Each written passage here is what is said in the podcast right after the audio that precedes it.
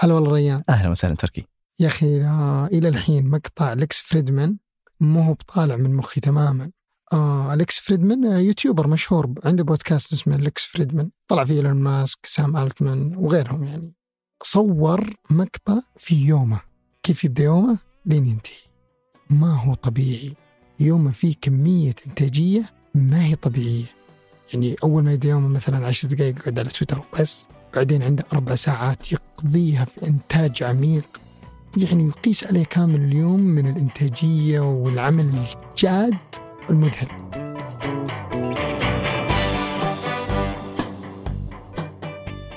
هذا بودكاست الفجر من ثمانية. بودكاست فجر كل يوم نسرد لكم في سياق الأخبار اللي تهمكم معكم أنا تركي القحطاني وأنا ريان دعفس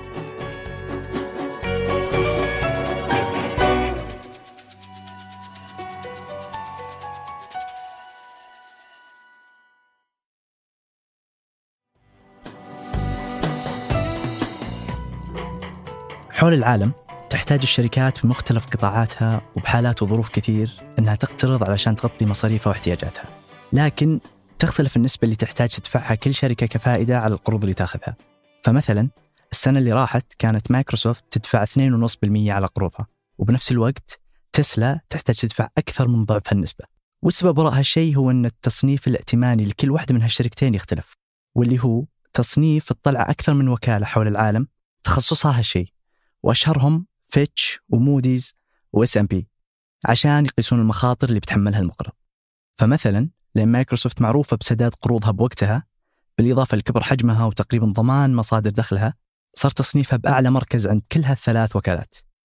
لكن لأن عمر تسلا أصغر بكثير من مايكروسوفت بالإضافة لأنها تشتغل بقطاع جديد والتغير فيه سريع صار تصنيفها عند S&P مثلا أقل من مايكروسوفت بأربع مراكز. ونفس الشيء يصير مع الدول اللي تحتاج بحالات كثير تقترض عشان تمول مشاريع جديدة لها أو عشان تغطي العجز بميزانياتها. وبالنسبة للسعودية مثلا قبل شهرين رفعت وكالتين من تصنيفها الائتماني. وصارت عند موديز بالتصنيف الخامس من أصل 21 تصنيف عندها وعند S&P بالتصنيف السادس من أصل 22 تصنيف عندها.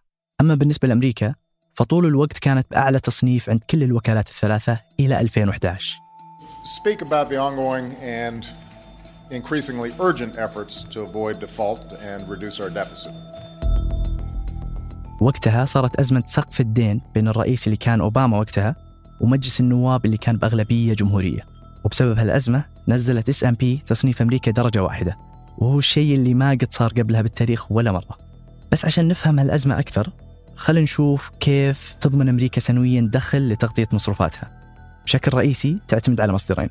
الأول واللي هو الأهم الضرائب اللي تفرضها على الناس والشركات ثم بدرجة أقل من اقتراضها من خلال السندات واللي تكون بأن المقترض مثلا يعطي أمريكا ألف دولار ويصير بعدها سنويا يأخذ فوائد على هذا السند. فمثلا إذا كانت الفائدة اللي شرع عليها 2% يصير يجيه كل سنة منها 20 دولار.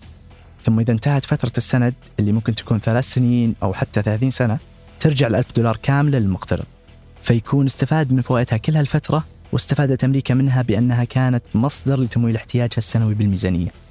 واليوم يعتمد اقتصاد العالم على السندات اللي تصدرها أمريكا لأنها طول الوقت تعتبر من آمن الطرق لحفظ الثروات.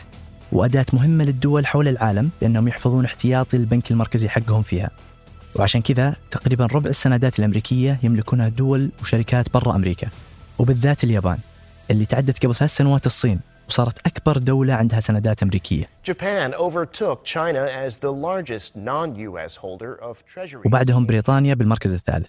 ومن الدول العربية السعودية الأولى بالترتيب ال 16 ثم الإمارات بالترتيب 22 وبعدها الكويت بالترتيب 28 لكن ورغم اعتماد أمريكا بميزانياتها على السندات اللي تصدرها في سقف أعلى لمجموع الدين اللي تقدر تأخذه.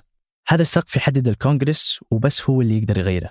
ولو بنرجع للأزمة اللي صارت ب 2011 فاللي صار وقتها أن أمريكا قربت من سقف الدين اللي مسموح لها توصله. وكان مجلس النواب اللي كان وقتها من حزب مختلف عن حزب الرئيس رافض يزيد السقف مثل ما يصير بالعادة كل ما قربت أمريكا منه.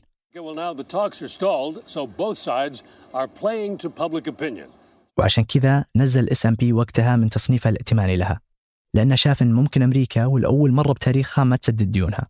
لكن قبل 48 ساعة بس من وصولها لهذه الحالة اتفق أوباما مع الكونغرس وقدرت أمريكا بعدها تكمل تقترض أكثر من 2 تريليون دولار But I want to announce that the leaders of both parties in both chambers have reached an agreement that will reduce the deficit and avoid default. واليوم ومع مجلس نواب بأغلبية جمهورية نائب الرئيس بوقت أزمة 2011 يواجه أزمة تشبهها الدين العام الأمريكي هالوقت أقل فقط ب 20 مليار بس من السقف المسموح وأمس صرحت وزيرة الخزانة الأمريكية إن لو ما اتفقوا الحزبين على زيادة سقف الدين في بعد أقل من شهر من اليوم تتخلف أمريكا عن سداد ديونها لأول مرة The U.S. government is running out of money to pay off the debts it has already racked up. To make the payments and avoid defaulting. لكن قبل خلونا نشوف وش سبب امتناع الجمهوريين عن رفع السقف الأسباب اللي خلت الجمهوريين ما يتعاونون بهالأزمة تشبه أسبابهم ب 2011 وبحسب البيان اللي نشره متحدث مجلس النواب مطالبهم بشكل رئيسي ثلاث أشياء.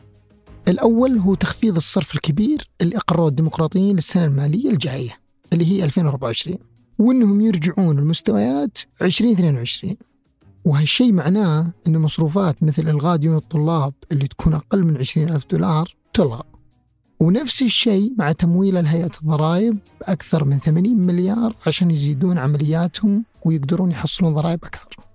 وعموما باقي الحزم اللي أعلن عنها الفترة اللي راحت لتحفيز استخدام الطاقة النظيفة وغيرها والطلب الثاني أنه يدعم الإنتاج والاستثمار بقطاع النفط والغاز اللي قل كثير بعد وصول بايدن للرئاسة. والثالث أن بالسنين الجاية تصير الميزانية ما تزيد سنويا بأكثر من واحد بالمية وحسب تقديرات المحللين هالمقترح يقلل مصروفات الحكومة بالسنة الجاية بأكثر من خمسة تريليون دولار. والسبب اللي يخلي الجمهوريين يطلبون هالشيء هو أنهم بالعادة يكونون مع تصغير الحكومة وتقليل مصاريفها.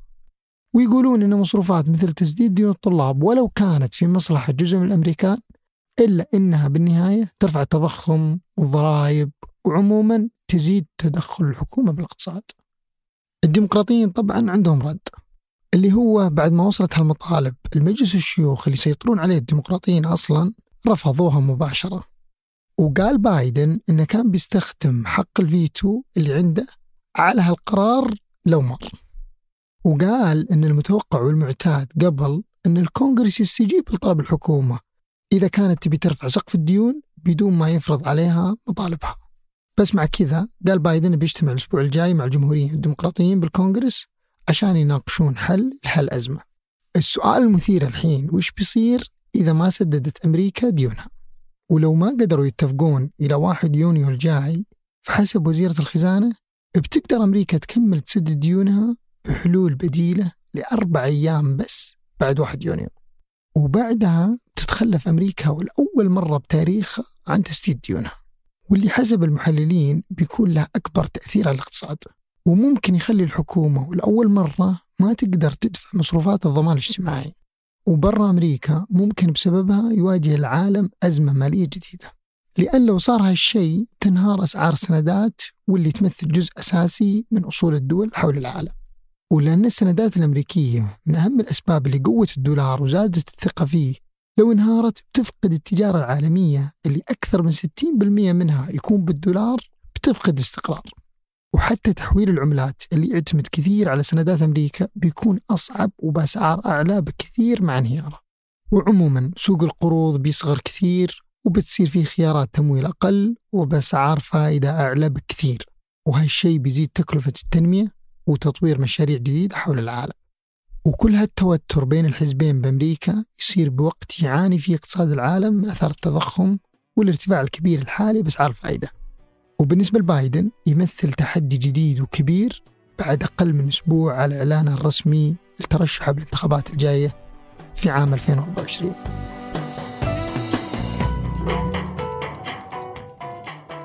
وقبل ننهي الحلقة هذه أخبار على السريع. بعد ثمان سنوات من الكشف عنه لأول مرة أعلنت أمس مجلة ميد أن مجموعة الفطيم وقفت أعمالها على مشروع مول السعودية بشمال الرياض. واللي حسب مخططاته كان بيكون أكبر مول بالسعودية ومن الأكبر بالعالم. وبيكون فيه فندق وأكثر من 600 متجر مع أكبر صالة تزلج بالشرق الأوسط وغيرها. وكان مفترض ينبنى باستثمار بأكثر من 6 مليارات ريال من المجموعة. لكنه من وقت الإعلان عنه ما تعين له مقاول رئيسي وما بدأت أي أعمال بناء فيه. ورغم أن المجموعة ما أعلنت بشكل رسمي عن أسباب توقف المشروع لكن تقول التحليلات أنه بسبب التغير اللي يصير بالمجموعة بعد وفاة مؤسسها ماجد الفطيم قبل سنتين وتغيير رئيسها التنفيذي قبل أقل من ثلاث شهور.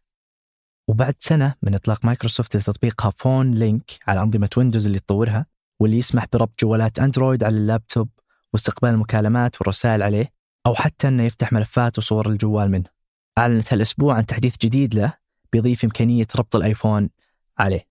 ويصير المستخدم بالإضافة للميزات السابقة فيه يقدر يستخدم تطبيق iMessage عليه. حسب الإعلان متوقع يوصل هالتحديث بمنتصف هالشهر بعد أسبوعين تقريبا من اليوم. وفي مصر أعلنت الحكومة أن نوفمبر الجاي بيشهد افتتاح المتحف المصري الكبير اللي بدأ الشغل عليه قبل 20 سنة من اليوم في عام 2003 بميزانية أكثر من مليار دولار وبيضم المتحف بعد افتتاحه أكثر من 50 ألف قطعة أثرية. بعضها يعرض لأول مرة. وبيكون فيه مركبة الملك الفرعوني خوفو مع عدد كبير من المعارض والمؤتمرات عن تاريخ مصر. وحسب التصريح بيساعد افتتاح المتحف بزيادة إيرادات مصر من السياحة في عام 2025 إلى 30 مليار دولار كل سنة. وحتى زيادة مساهمتها باقتصاد مصر اللي تمثل السياحة اليوم 15% من الناتج المحلي فيه. وبعد شهور وصل فيها اهتمام العالم ومختلف الشركات بالذكاء الاصطناعي لأعلى مستوياته تفاجأ العالم أمس بمقال لجيفري هنتون اللي يعتبرونه كثير الأب الروحي للذكاء الاصطناعي. نشر له مقال في نيويورك تايمز أعلن فيها استقالته من منصبه بجوجل كرئيس قسم أبحاث الدماغ والشبكة العصبية الاصطناعية. وبعد سنين اعتمدوا فيها المختصين بهالمجال على أبحاثه قال بالمقال إنه ندم على كل شغله اللي سواه بالذكاء الاصطناعي.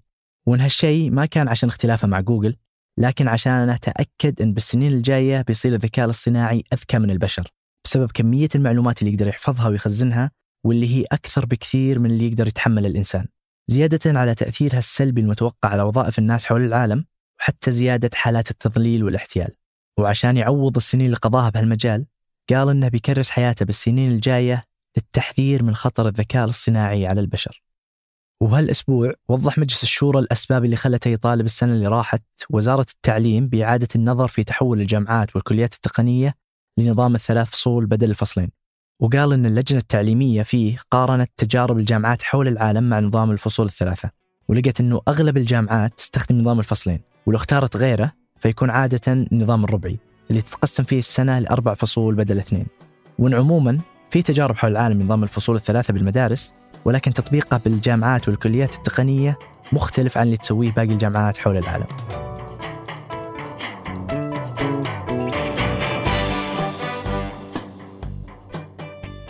أنتج هذه الحلقة عمر العمران ورهف العصار وقدمتها أنا تركي القحطاني. وأنا ريان دعفس. وراجعها عمر العمران وحررها محمود أبو ندى. نشوفكم بكرة الفجر.